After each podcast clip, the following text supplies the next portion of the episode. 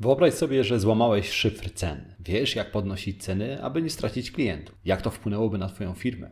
Jak to wpłynęłoby na Ciebie? Jakbyś żył, gdybyś mógł sprzedawać produkty po wyższych cenach i gdybyś zarabiał więcej? Nie musisz sobie tego wyobrażać. W tej serii podcastów dowiesz się, jak klienci postrzegają ceny i kiedy są gotowi zapłacić Ci więcej.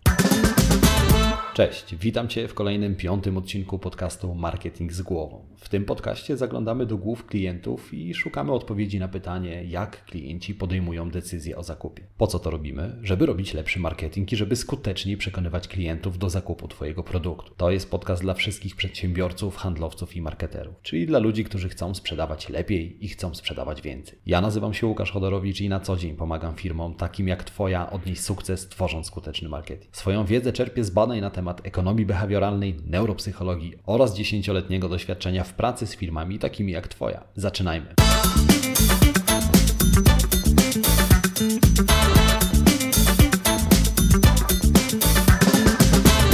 Zanim zaczniemy, pamiętaj, że więcej informacji o tym, jak zrozumieć klienta, jak robić lepszy marketing i jak więcej sprzedawać, znajdziesz w moich newsletterach. Tak, są dwa. Jeden darmowy, drugi płatny. Linki do obu znajdziesz w opisie tego odcinka podcastu.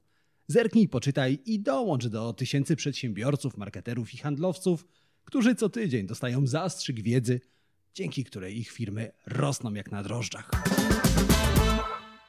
Tej serii podcastów przyglądamy się cenom. Zastanawiamy się, jak klienci postrzegają ceny i szukamy sytuacji, w których cena może wydać się klientom niższa niż jest w rzeczywistości. W poprzednich odcinkach podcastu ustaliliśmy, że w psychologii występuje 9 zjawisk, które wpływają na to, jak klienci postrzegają nasze ceny. Wiemy już, że w pewnych sytuacjach klienci chętniej zapłacą nam za produkt lub usługę więcej. Jeśli jeszcze nie odsłuchałeś tych poprzednich odcinków, to warto zrobić to teraz, ponieważ być może w którymś z nich znajdziesz strategię, która sprawdzi się w Twojej branży i dzięki niej możesz zarobić więcej. My dzisiaj porozmawiamy o ciekawym i jednocześnie kontrowersyjnym zjawisku, mianowicie o efekcie uczciwej ceny. Dlaczego ten efekt jest ciekawy? Bo mówi, że klienci są gotowi zapłacić za produkt niemal każdą cenę, dopóki uważają, że to uczciwa cena. Dlaczego ten efekt jest kontrowersyjny? Bo jak określić, czym jest uczciwa cena? I od tego zaczniemy. Zastanowimy się, kiedy ludzie uważają cenę za uczciwą, a następnie powiem Ci, jak podnieść ceny i sprawić, aby klienci uważali je za uczciwe, czyli chcieli kupować pomimo podwyżki.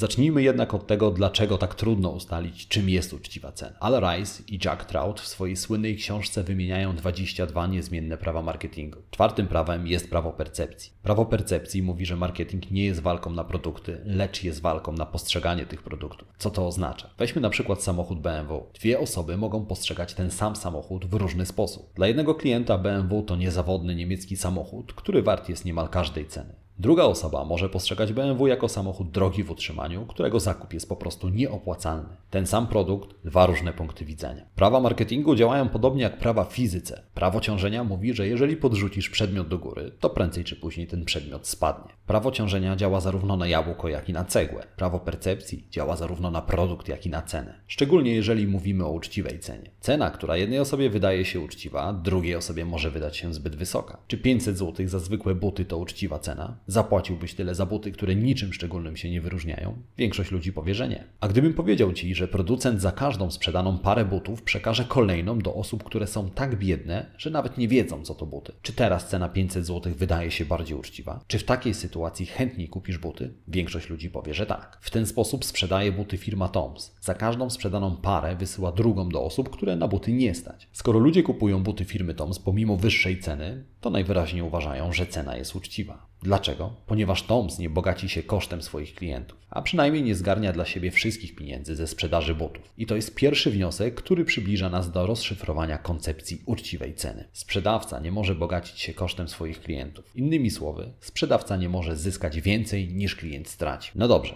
ale głównym celem każdej firmy jest zysk. Oczywiście pomijam wszystkie inne bardzo ważne kwestie, takie jak dostarczenie najlepszego produktu i dobro klienta. To jest ważne i bez tego w zasadzie żadna firma nie utrzyma się na rynku zbyt długo. Ale koniec końców, żadna firma nie przetrwa, jeżeli będzie przynosić straty. W takim razie, jaką kwotę firma powinna zostawić dla siebie, aby klienci uważali ceny za uczciwe? Odpowiedź na to pytanie znajdziemy w słynnym eksperymencie z 1961 roku Ultimatum Game. Autorem eksperymentu jest zdobywca Nagrody Nobla w dziedzinie ekonomii John Harshani. Wyobraź sobie, że Twój znajomy wygrał 1000 zł. Może zatrzymać część tych pieniędzy pod dwoma warunkami. Po pierwsze, musi podzielić się z Tobą wygraną. Po drugie, Ty musisz przyjąć od znajomego kwotę, którą Ci zaproponował. Jeśli się zgodzisz, obaj wychodzicie z pieniędzmi. Ty z kwotą, którą znajomy Ci ofiarował, a znajomy z pozostałą częścią. Ale jeśli uznasz, że znajomy zaproponował ci za mało i odrzucisz propozycję, oboje odchodzicie z niczym. Z logicznego punktu widzenia powinieneś przyjąć każdą, nawet najniższą kwotę. W końcu nawet 2 zł to więcej niż nic. Wiemy jednak, że ostatnią rzeczą, której należy się spodziewać w takich sytuacjach jest logika. Eksperyment Horsianiego również to potwierdził. Zastanów się, jaką część swojej wygranej znajomy musiałby ci zaproponować, abyś się zgodził. Czyli jaki podział uznałbyś za uczciwy? 10%,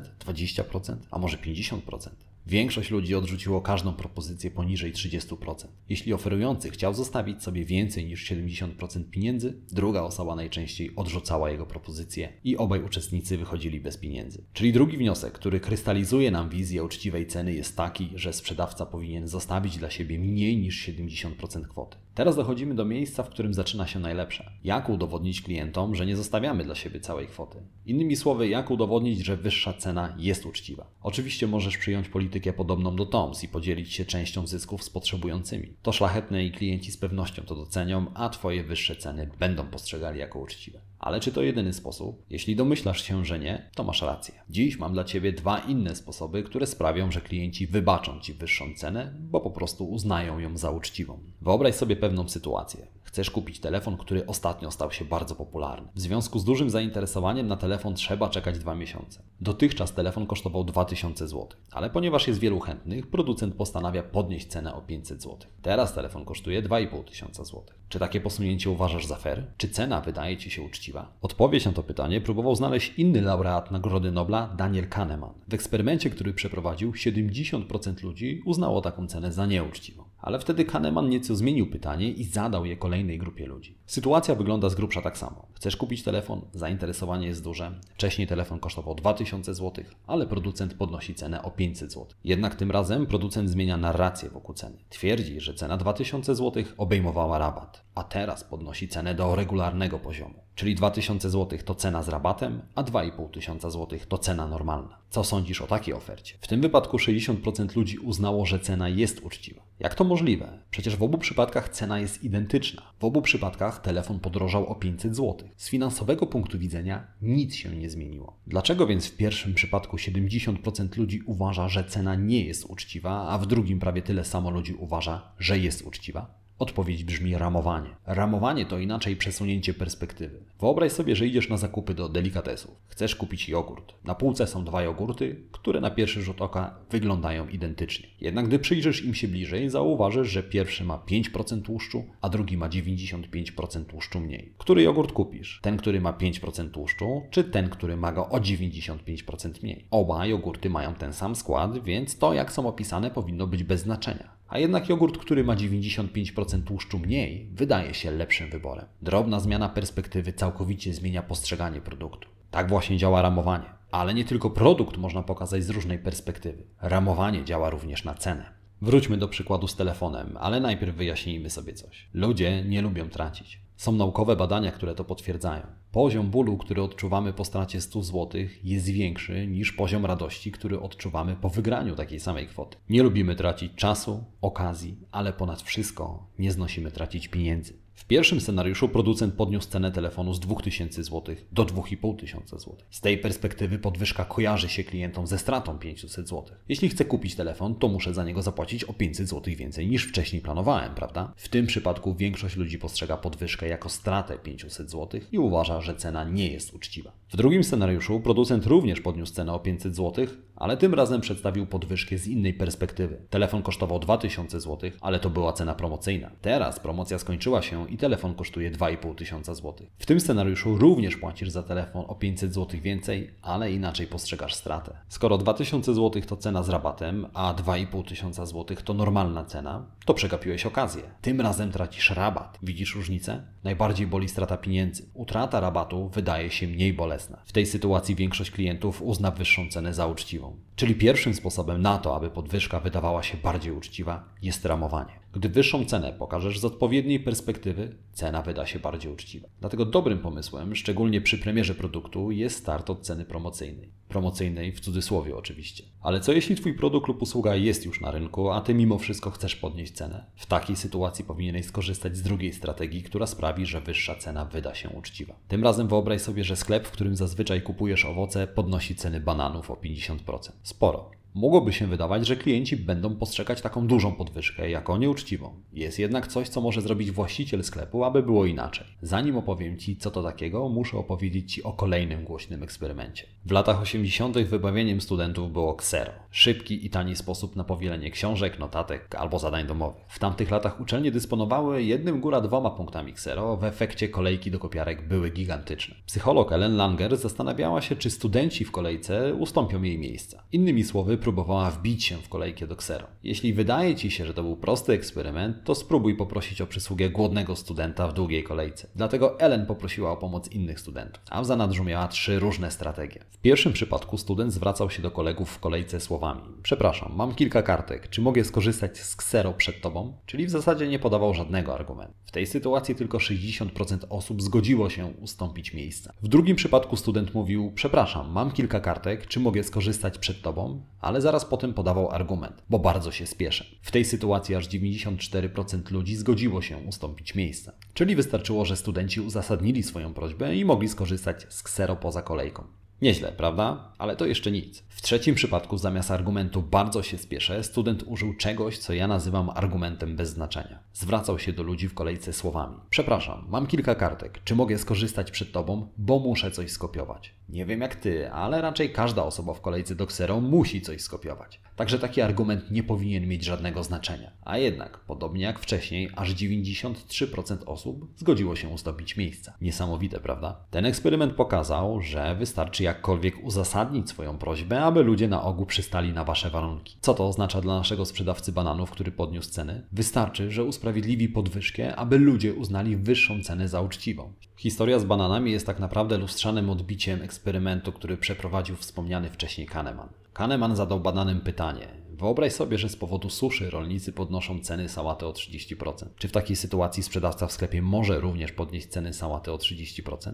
80% ludzi odpowiedziało, że owszem, taka podwyżka jest uczciwa. Okazuje się, że klienci zgodzą się zapłacić więcej, jeżeli podasz im logiczny argument. Zrozum, ludzie oczekują, że świat wokół nich da się wytłumaczyć. Stale szukamy związków przyczynowo-skutkowych. Jeśli to, to tamto. Szukamy prostych wyjaśnień najbardziej absurdalnych zdarzeń. Ludzie, którzy mają zwierzęta, stale przypisują im ludzkie cechy. W ten sposób tłumaczą sobie zachowanie swoich pupili. Gdy w naszym życiu dzieje się coś, czego nie potrafimy wytłumaczyć, tworzymy własną narrację. Przypisujemy przyczynę do skutku. Sąsiad złamał rękę? Miał pecha, a może zasłużył. Zasłużył, bo to zły człowiek. Ktoś inny odziedziczył dom w spadku? Los się do niego uśmiechnął, bo to dobry człowiek. Nasz mózg nie znosi sytuacji, których nie da się wyjaśnić. Dlatego chętnie przyjmuje wytłumaczenie, które jest wiarygodne. Również w przypadku wyższych cen. Zastanawiasz się pewnie, czy wyższą cenę można uzasadnić jakimkolwiek argumentem, podobnie jak zrobiła to Ellen Langer w swoim eksperymencie. Tego nie wiem. Nie znalazłem na ten temat żadnych badań. Sam również tego nie sprawdzałem. Jednak skoro logiczny argument działa prawie tak dobrze jak argument wzięty z powietrza, to po co ryzykować? Mamy więc drugi i ostatni sposób, który sprawia, że ludzie postrzegają wyższą cenę jako uczciwą. Logiczne i jasne uzasadnienie podwyżki. Być może wyda Ci się to oczywiste, a jednak tak niewiele firm uzasadnia podwyżki cen. Po cichu podnoszą ceny i liczą na to, że klienci tego nie zauważą. Cóż, większość zauważa i przestaje kupować. Dlatego ty powinieneś zawsze tłumaczyć, dlaczego podnosisz ceny. Jasne, z pewnością stracisz kilku klientów, ale ci, którzy zostaną i kupią pomimo podwyżki, zniwelują straty. Być może sprzedasz mniej, ale dzięki wyższym cenom i tak zarobisz więcej. Czas więc na trzy najważniejsze rzeczy, które warto zapamiętać. Po pierwsze, ludzie zapłacą wyższą cenę za Twój produkt lub usługę, jeśli cena wyda im się uczciwa. Po drugie, aby cena wydawała się uczciwa, pokaż podwyżkę z odpowiedniej perspektywy, czyli pamiętaj o ramowaniu. Po trzecie, pamiętaj też o sile argumentu. Ludzie na ogół postrzegają wyższą cenę jako uczciwą, jeżeli uzasadnisz podwyżkę. Na dziś to wszystko. Jak zawsze, jeżeli dowiedziałeś się czegoś nowego, zostaw komentarz i polub ten odcinek. A jeśli uznasz, że komuś ta wiedza również się przyda, udostępnij podcast dalej. Dzielmy się wiedzą. My słyszymy się za tydzień. Dalej będziemy rozmawiać o cenach, a tym razem opowiem Ci o efekcie skali, czyli o kolejnym efekcie, który sprawi, że klienci zapłacą za Twój produkt wyższą cenę. Do usłyszenia. Cześć.